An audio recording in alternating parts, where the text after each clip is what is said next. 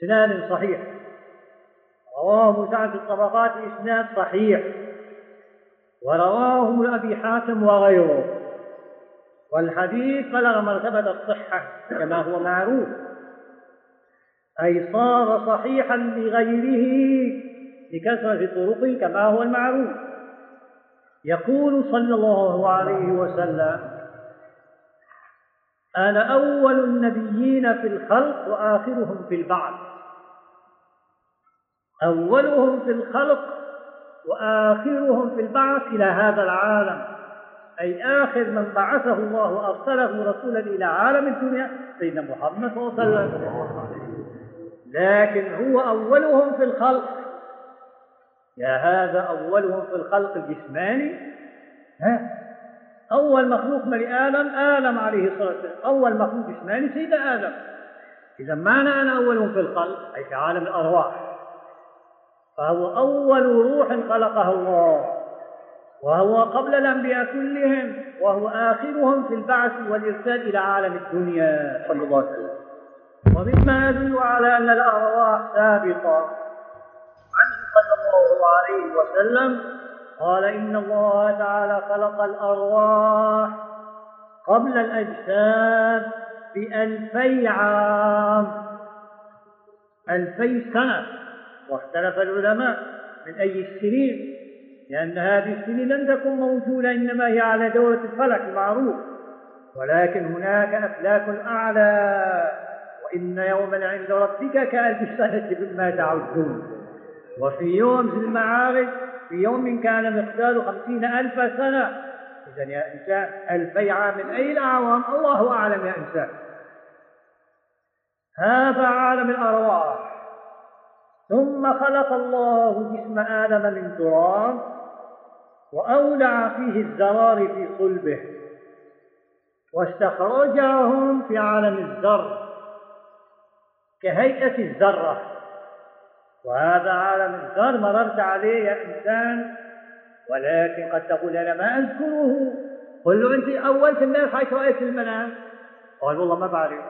قل له من جمعتين إيش قال ما بعرف. قل له عم تنسى معلوم فيه تمر على عالم منام في تصير امبارح منامات كثيره بتصير نسيان يا إنسان.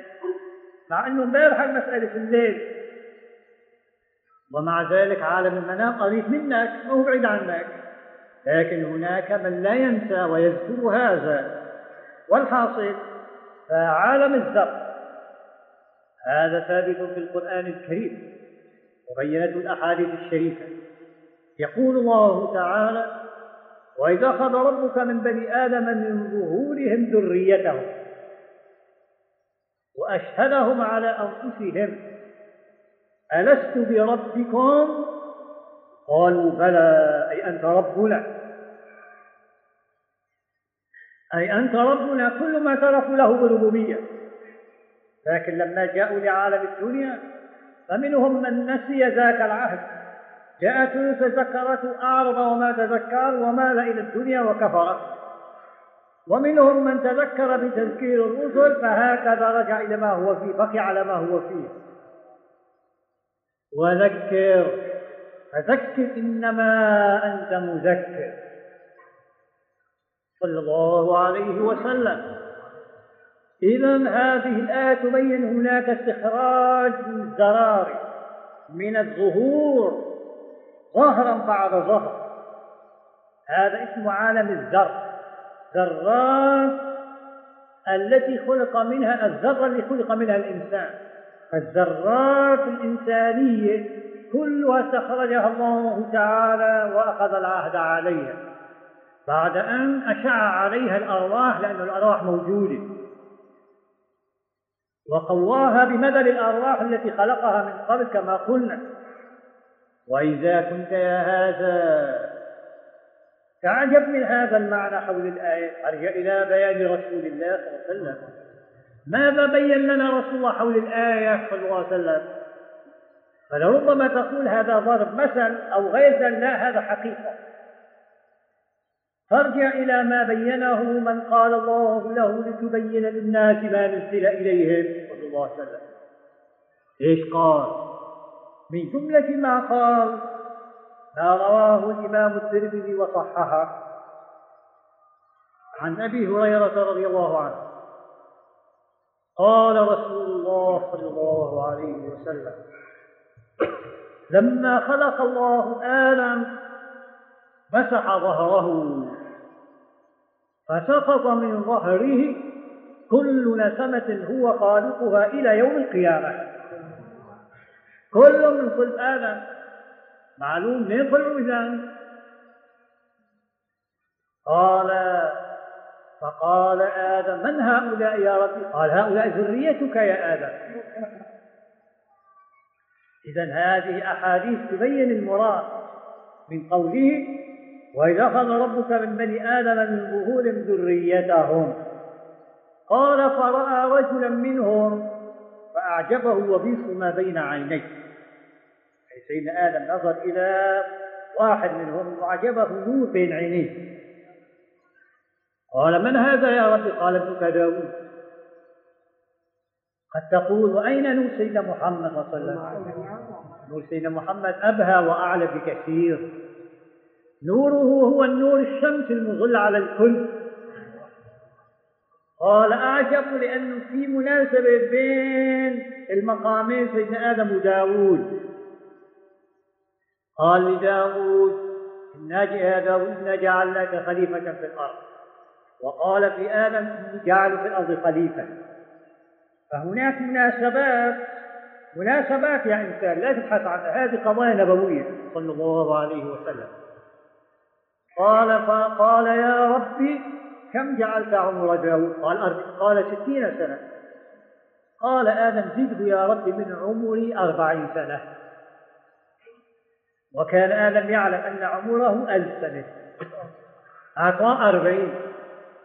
فلما انقضى عمر آدم ألف إلا أربعين قضى وبقي عليه من عمري أربعون سنة. جاءه الملك فقال آدم أولم يبق من عمري أربعون سنة؟ قال أولم تعطها ابنك داود قال فرجع آدم بما أعطى فرد الله على آدم الأربعين وأعطى داود أربعين وعاش مئة سنة يا إنسان. والله يعطي من يشاء ما يشاء. وعلى هذا. إذا لكن لا تستشكل. كيف انه 40 وزادت 60 وزادت 40 والاعمار محدوده كله كمان يا إنسان في أسباب تربطها الحق جل وعلا بزيادة العمر. والكل بقضاء وقدر ثابت ألم تسمع قول النبي صلى الله عليه وسلم من سره أن يبسط الله له في رزقه وأن ينسأ له أن يمده في أجله فليصل رحمه. فمن أعظم أسباب سعة الرزق وهكذا طول العمر صلة الأرحام. وهذا حديث صحيح السنن وغيرها يا إنسان لا تنكر. قال لكن ما بزيد في البركة. قول له زيادة لا بركة ما بركة. زيادة مش ما ورد زيادة خلاص لا تعمل يعني مشاكل. إلى آخره. والكل إنما هو أسباب ومسببات والكل بقضاء وقدر. وعلى هذا فهذا عالم الذر وهذا أول الدخول في عالم الأصلاف وهو كنت في صلب آدم. ثم تنقلت من صلب إلى صلب إلى صلب أبيك هذا عالم له أحكامه. له أحكامه وشؤونه. قال هذا ما منه خير هالعالم ولا عليه مسؤولية ولا له أحكام. قل له لا في أحكام إلهية. ألم تقرأ قول الله تعالى يخاطب هذه الأمة محمدية صلى الله عليه وسلم ممتنا عليها ومذكرا لها بالنعم الكبرى. إنا لما طغى الماء حملناكم هي أمة محمد صلى الله عليه وسلم حملناكم في الجارية. أي حملناكم في سفينة نوح. أنتم يا أمة محمد صلى الله عليه وسلم. أي اشكروا نعمة الله عليكم. قال نحن إيه؟ كنا ما كنا في عهد نوح.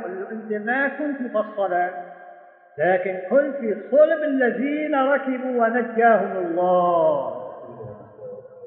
فأنت كنت كنت في عالم الأصلاب ولله حق عليك أن يمتن عليك حيث حملك في صلب من نجاهم ولو أنه أراد إهلاكك لا أغل حملك في صلب من أغرقهم.